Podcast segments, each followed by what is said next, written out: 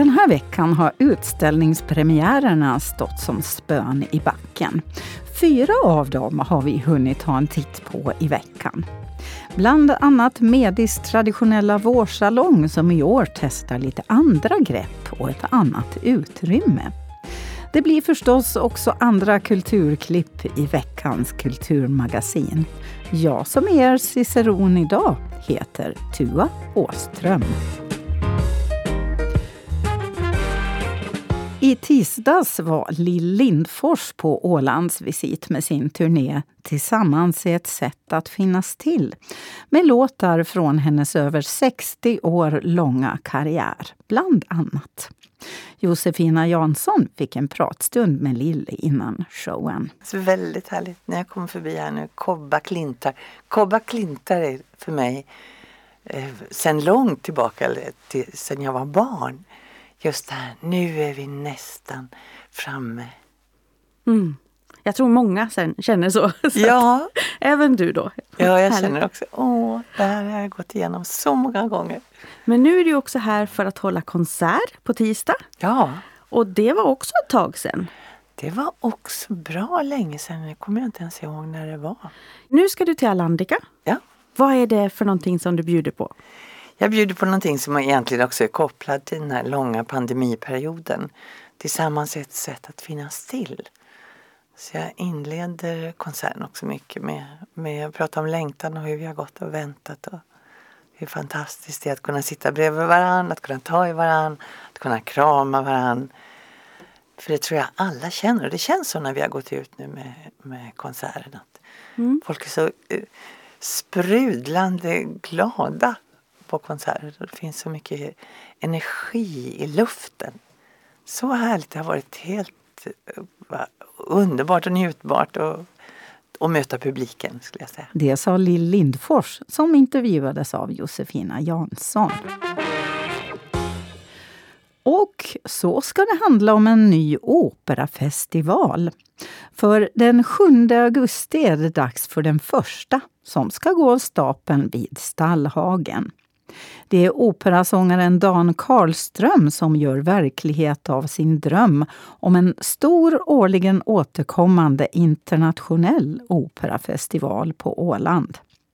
I fredags kväll hölls det konstituerande mötet för den förening som ska driva festivalen, Dan Karlström. Vi håller på att sätta igång en, en operafestival på Åland och jag ville lite mer förankrade i, i samhället så vill jag skapa en förening. Också helt av praktiska orsaker när man söker pengar och, och också för att få lite mera bollplank med idéer och så. Så, så har vi grundat en, en stödförening för en operafestival på Åland. Men var kommer den här idén ifrån med den här festivalen? Det har funnits länge, länge som en idé hos mig ända sen egentligen sen vi, vi var ute på Anders udde för 10-12 år sedan när vi började där. Men sen så, så fick jag barn och så har det varit mycket, ja.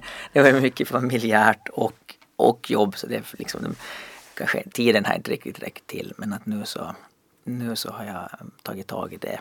Och jag tror det kan bli en, en intressant sak för hela samhället. Det har ju ordnats eh, väldigt fina projekt. Jag har ju själv varit också med i till exempel Lisbeta förra året här och, och det finns en, det finns massor med, med bra saker som organiseras men det har alltid varit det har gjorts projekt och sen så har det varit ett par år paus och så har det gjorts ett projekt och så har det varit ett par år paus. Och om man ska göra någonting som är kontinuerligt så det, det är väldigt svårt att få det att gå på plus. Men för att man ska få det så att det inte är för dyrt så måste man ha tillräckligt mycket publik och det går bara om man, har, om man är utomhus. Mm. För att Alandica det är jättefint men det är lite för litet. Och om man ska få då tillräckligt mycket publik så måste man också tänka på varifrån den ska komma.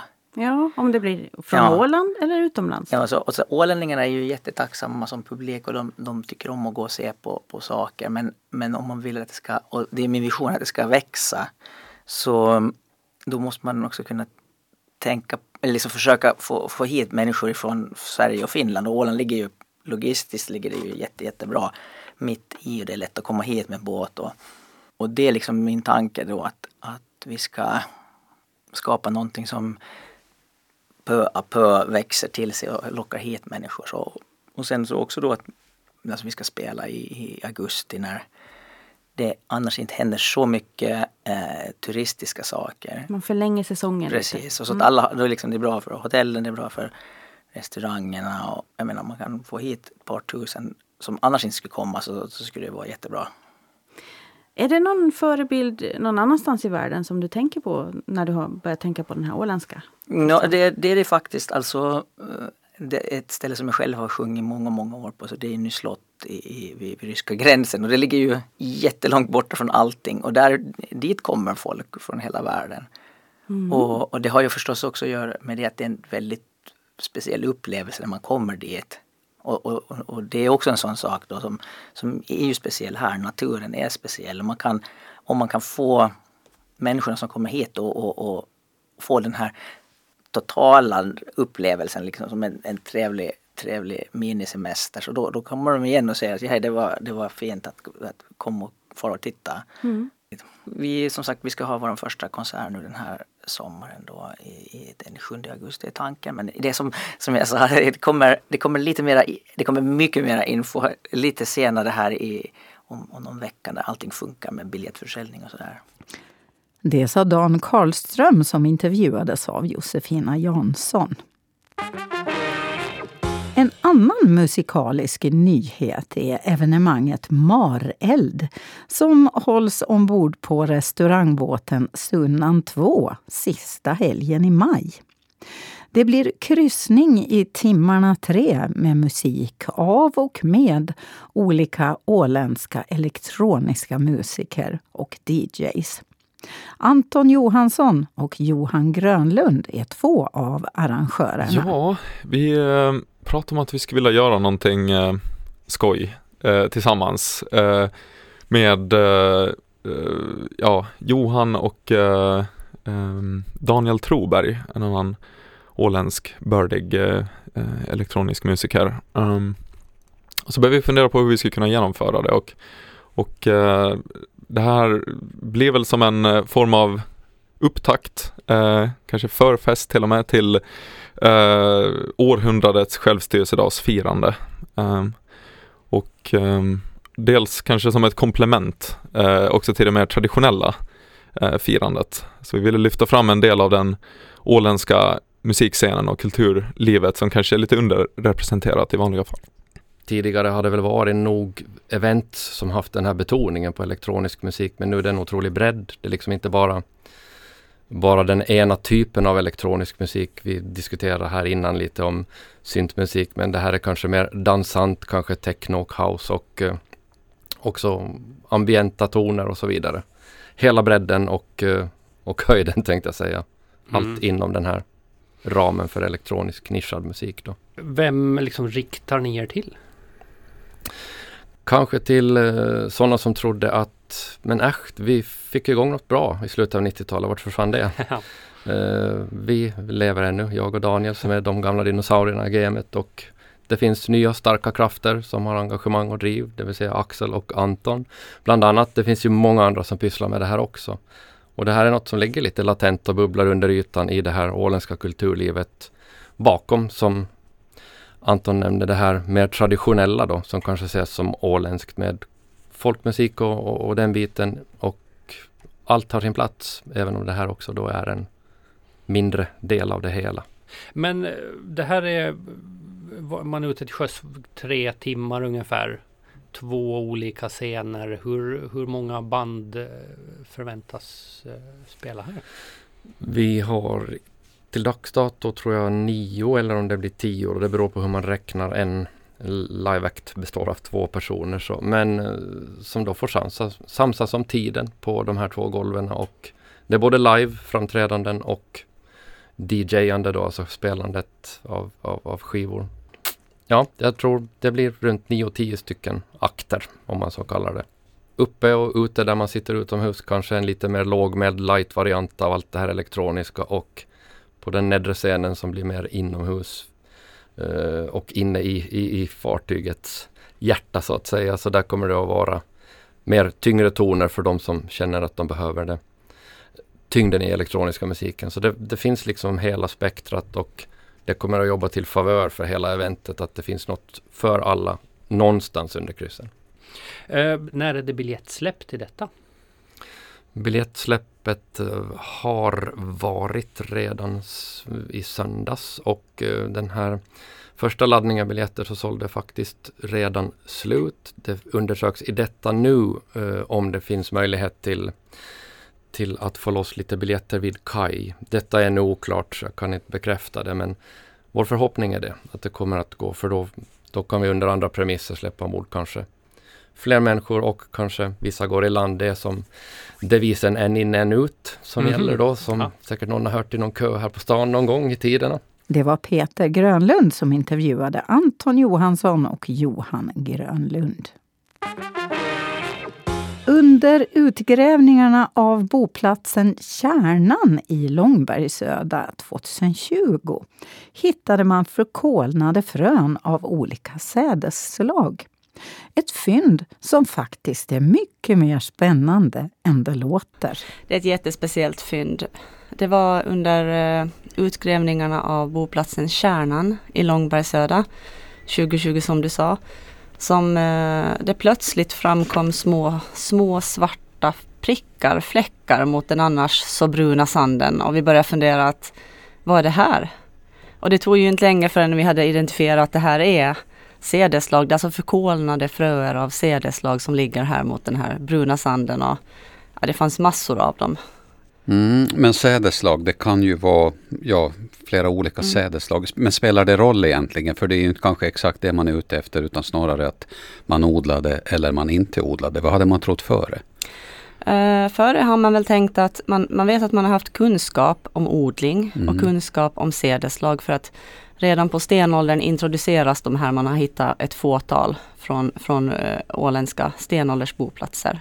Och det är också speciellt, det är 1500 år före man hittar dem på finska fastlandet. Så att vi vet att man hade kunskap om det här på stenåldern men det har inte haft någon, eh, någon liksom närings, alltså någon vikt för vad man, vad man åt eller så utan det har kanske kommit som gåvor och sånt utan det har inte funnits en odling på, på Åland under den här tiden. Och på bronsåldern har man varit lite osäker. Fynden har varit ännu färre än från stenåldern. Men pollendiagram har visat att det kan förekomma någonting på yngre bronsålder för att man har en liten det går upp lite i pollenförekomster när man har borrat i sjöar, ser man. Men mm. man har tidigare inte haft någon indikation på det här, några liksom fysiska, några fysiska bevis på det här. Och nu har vi liksom flera hundra stycken som vi kan ställa frågan till då att är det odling eller är det import som mm. vi ser? Det sa Jenny Lusenius som har sökt finansiering för djupare analys av fyndet. På tal om tidsresor ska vi nu ta oss an årets sommarutställning hos Ålands kulturhistoriska. Och det är en tidsresa i nostalgins tecken som öppnar på lördag. Titeln är Minnen och nostalgi och Utställningen ska med fotografier och föremål leda oss genom de senaste hundra åren av Ålands historia. God morgons Anki Karlsson fick en förhandstitt på utställningen med bland andra tillförordnade intendenten Conny Andersson. Ganska snabbt så anlitar museet Kjell Ekström och tar fram texter och bilder till utställningen. Och hu huvudtanken är, det första man möts när man kommer till utställningen så är termometrar som visar ett litet axplock från de hundra åren då inom näringslivet, kultur och politik. Och sen finns det inne i själva utställningen som, som möts man av eh, ett eh, huvudspår som är ett årtionde i gången där det lyfts fram eh, minnen och nostalgi som, som folk kan identifiera sig och om man inte har upplevt det själv så har man ju förstå, hört talas om det. Och så görs det också nedslag då i, i olika eh, föremål och sånt som, som, som särskilda, typiska för sin tid. Men det har ju varit väldigt svårt också, det finns ju så mycket, det är ju så mycket som har hänt under hundra år. Det, det svåra är ju att begränsa sig nästan. För mig så är det här som att kliva in rätt in i en minnesbok och jag kastas tillbaka, ja, ända långt tillbaka, eh, till och med för tiden före jag var född, men där man har hört så väldigt, väldigt mycket. Eh, Kjell Ekström, hur har du tänkt?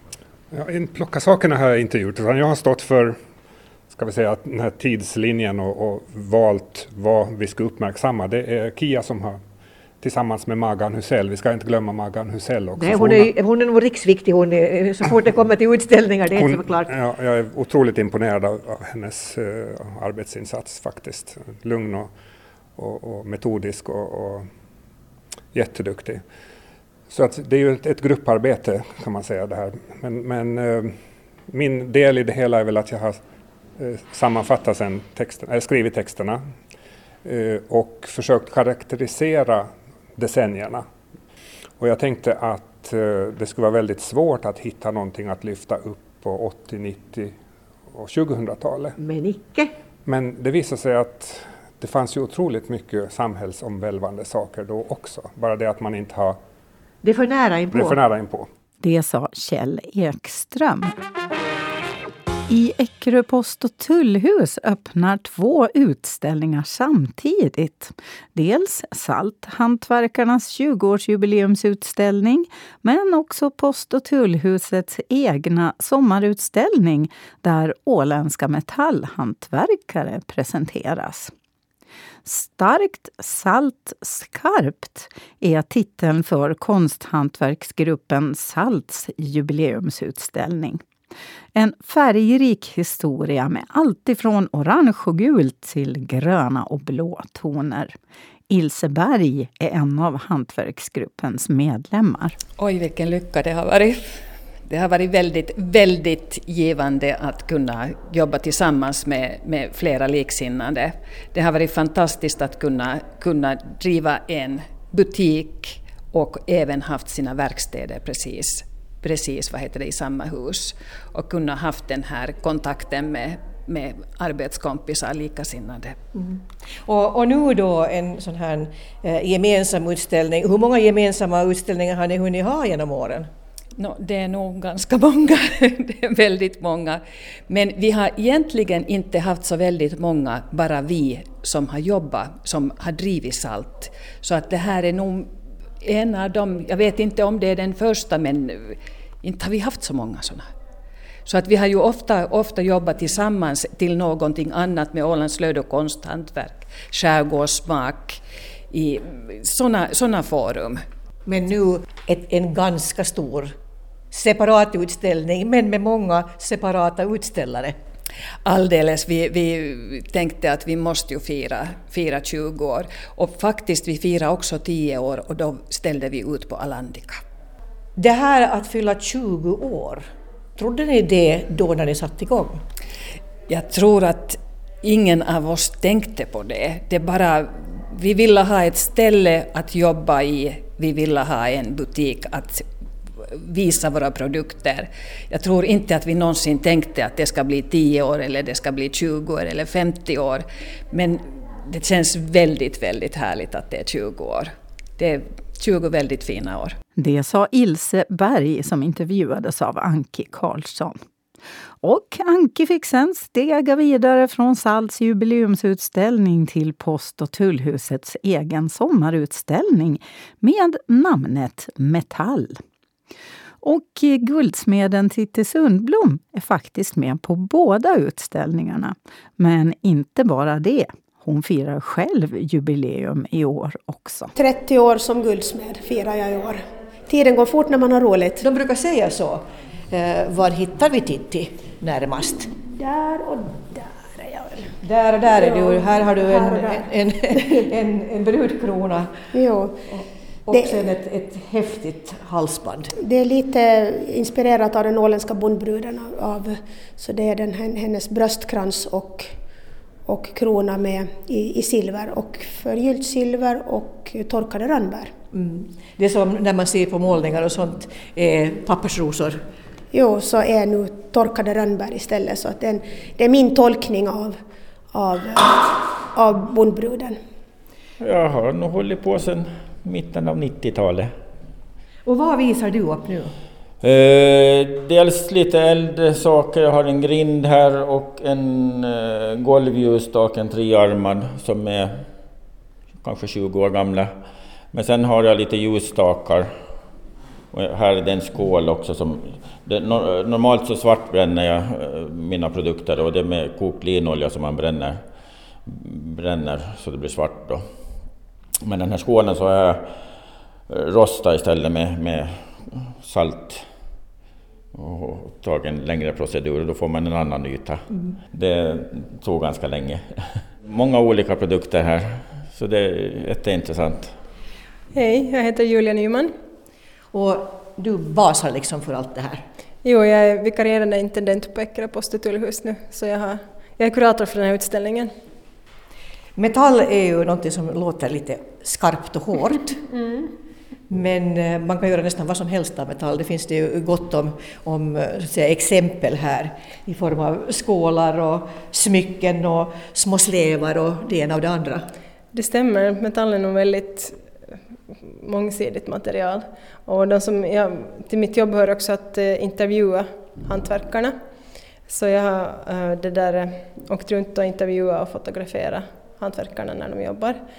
Och då har de berättat att, att metall är ett väldigt jag vet inte om det är ett envist material, så det är väldigt formbart. Att man får liksom både jobba med det och emot det när man håller på. Sist Julia Nyman, vikarierande intendent på Eckerö post och tullhus.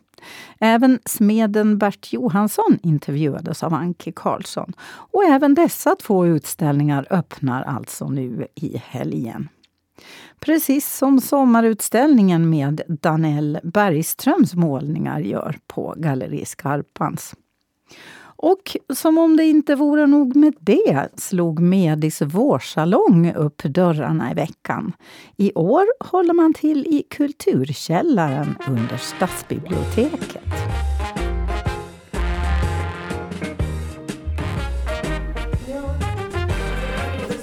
Det är ett känt konstverk av en konstnär, Kandinsky, ja. ja. som målar väldigt färggrant. Och, och sen så delar vi upp det i nio, nio delar och alla ska göra en del. Och det här är mixed media teknik så det är både akryl, och det är kritor, och det är tuscher och det är collage. Och sen handlar det om att lite samarbeta mellan, med den som har bilden bredvid för att få de här linjerna då att gå ihop, att det stämmer. Just det, men alla har liksom gjort sin egen Kandinsky-tolkning. No, egentligen ja. ja. ja. Och så har man byggt ihop dem. Väldigt, ja. väldigt fint. Och den har ganska speciella färger som mm. man sällan ser. Ja. Jättestarka färger. Hmm, häftigt. Det är det som man ser nästan exakt om man kommer in genom dörren här. Vi tänkte att det skulle vara så. Ja, det är det här. Bra, liksom. Just det. Någonstans har jag blivit lärd att ja. det är bra att man, när man kommer in i ett utrymme att det är någonting liksom som fäster blicken direkt som leder, som gör att man blir intresserad. Vart man tittar liksom, det ja, första man ser. Också i ett hem och sådär, vad är det första man ser? Att är det inbjudande? Själva anslaget? Ja, någonting, ja. någonting att man sätter. Jag tror att det är jag tror att det är min mamma som har, som har lärt mig det. Men eh, vi är nu alltså här, det här är ju en, Medis vårsalong är ju en, en happening och en utställning som av tradition flyttar runt ganska mycket. Ni har ju varit på väldigt många ut, äh, olika ställen väl? No, de flesta gångerna har vi varit i vårt eget hus mm. och det är på det sättet bra för folk känner ju igen var är Medis och vet, vet vart de ska komma. Men nackdelen där är att ut, utställningen blir ganska utspridd. Att eh, ett rum är det bara bildkonst och det är den där stora salen och sen går man upp till klassrummen. Visserligen är det vackert ljus i dem men sen är det där eh, så är det textilier och, och så. Att, att, jag tycker att så här borde det alltid vara, att man kan blanda de här. Och sen måste jag säga att vår duktiga textillärare, så hon, hon hon är väldigt duktig på att bygga upp helheter, liksom att se det här att uh, hon är van vid att göra utställningar, att, att, att uh, alltså förstås färgmässigt och formmässigt, att inte det är vem som helst som kan göra så här fint. Och det är hon som har komponerat det här. Och textilläraren är? Sara Karrenpalo. Och det, nu står vi framför kanske min favorit, ska vi säga, monter ja. nästan. Eh, det kan ha att göra med att jag älskar grönt. Men det kan också vara att, att vi, vill, vi vill till det gröna nu. Kan, kan du berätta vad vi ser här? Ja, det är ett lit, en liten samling olika saker, lite konst, helt underbar konst med lite grön äng. Och sen har vi mattor, löpar, keramik. Eh, allt lite i gröna toner. Det, det var nog till tanken att det, det är som en liten svår äng.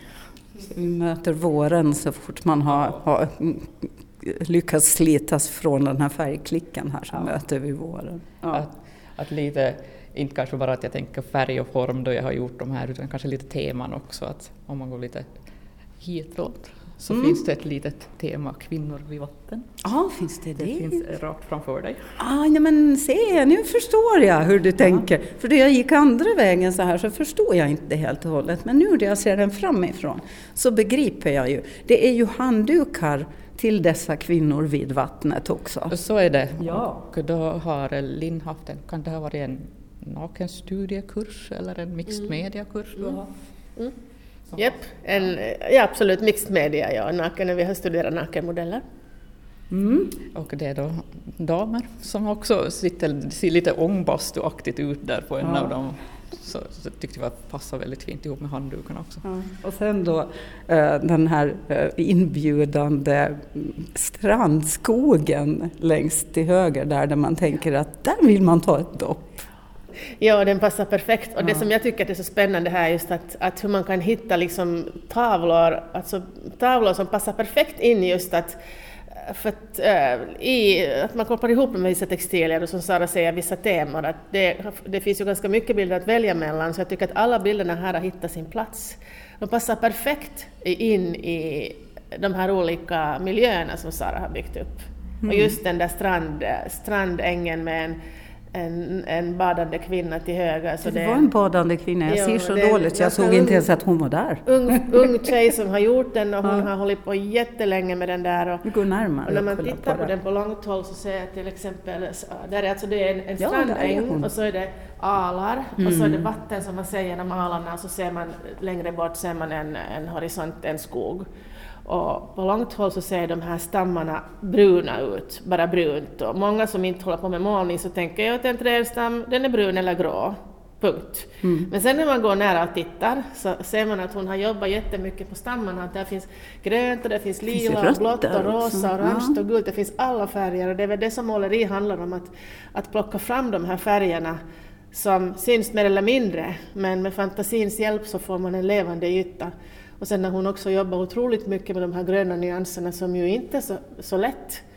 Grönt är den svåraste färgen att jobba med. Att där är liksom just mörka partier och ljusa partier och mörkt och ljust placerat bredvid varandra och ihopklumpade små löv, äh, liksom skugga, skugga sol. Ja, att den där är, ja. jag ska nog säga till henne att den där är nog jätte, jättelyckad. Jag har mm, nog sagt det, men jag ska säga det en gång till.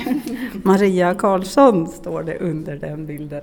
Sen ser jag någonting som lyser här borta. Den har ingenting med direkt eh, måleri att göra, men den är ju i sällskap av målningar mm. också. Ja det, det ja, det kommer från eh, en glaskurs och nu vågar jag inte säga teknik. Men det är en lampa som ska ut på en veranda och någon sorts mosaik. Det är väl är det inte helt enkelt bara glasmosaik då? Ja, ja, vi, ja. Vi, vi, tror så. Vi tror så. Vi säger ja. så. Ja, mm. men jätte, jättefin är den ju. Ja, den är också den är turkos och den är grönt och blått. Och, alltså, mm, ja, den, det... är, den är minst lika fin då den är släckt kan man säga också. Ja, antagligen.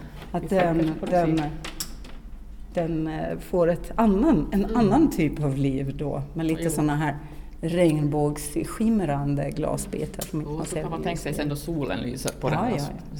Sprättar iväg lite prismor blir det ju jättefint. Ja, en sån vill man ha.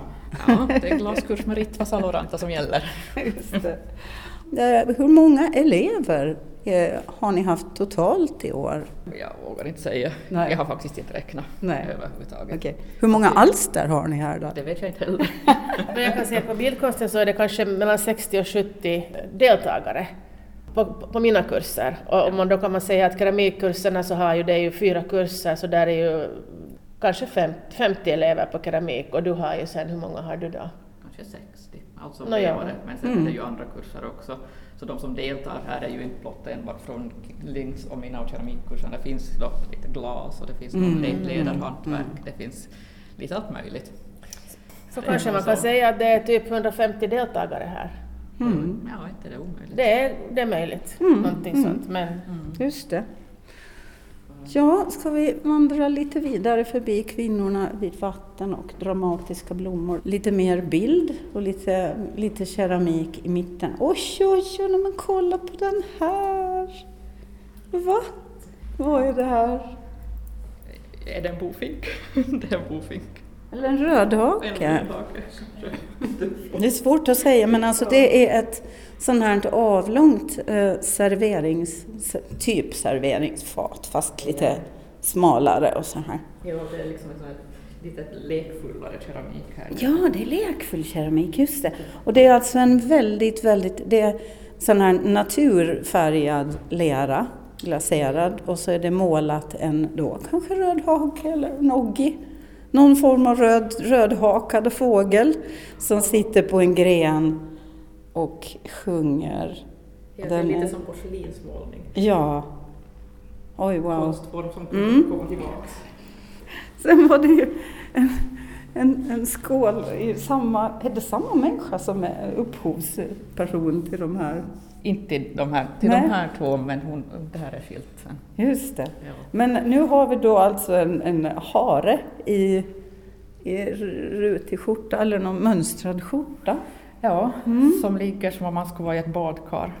Tänk det här sen till påsken fyllt med lite påskägg, det kommer att bli helt underbart. Och så sticker fötterna ut då på andra sidan. Ja, väldigt, väldigt roligt. Sällskap av ett sånt här fjärilskål Ja, ja. Det är så att man måste gå på den här utställningen lite och speja efter detaljer. För det ja.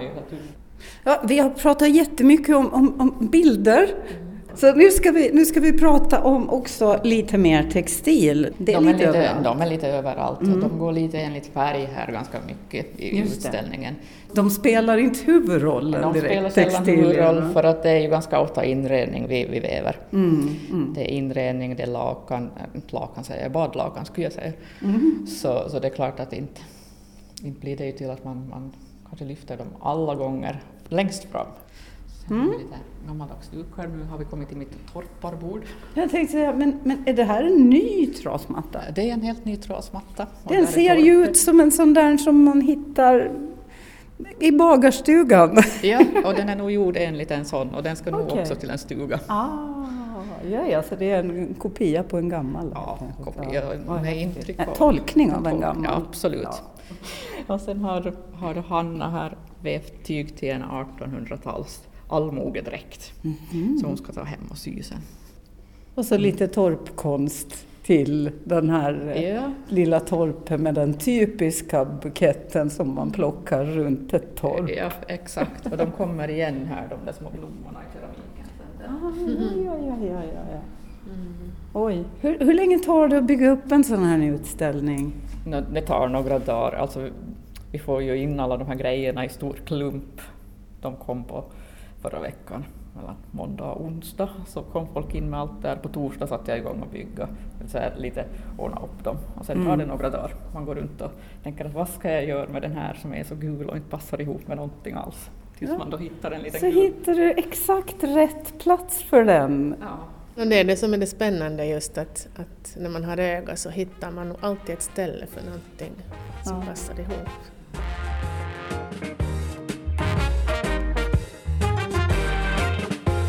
Ni hörde alltså Linn Simons som är bildlärare på Medis och textilläraren och utställningsbyggaren Sara Karepalo som visar mig runt på utställningen. Fram till 14 maj kan man gå och se allt fint som kursdeltagarna på Medis har skapat i år. Det är väl värt ett besök får jag säga. Förutom nämnda utställningar händer det en hel del annat kulturellt nu i veckoslutet också. Till exempel kan man klockan två på lördag se premiärvisningen av Bolle Högnäs film om keramikern Judy Bradley på Ålands museum. Mariehamns teaterförening har premiär för farsen Os Oscars kalabalik på lördag klockan 19 på Stadshusscenen. Ikväll spelar Filip Järvenpää och hans Blues Experience på Bio Savoy. Och på söndag, som ju är mors dag också, kan man gå på konserten Åland i ord och ton på Alandica. Så, eh, mamma eller ej, ha en riktigt skön helg och en fin morsdag. Så hörs vi snart igen.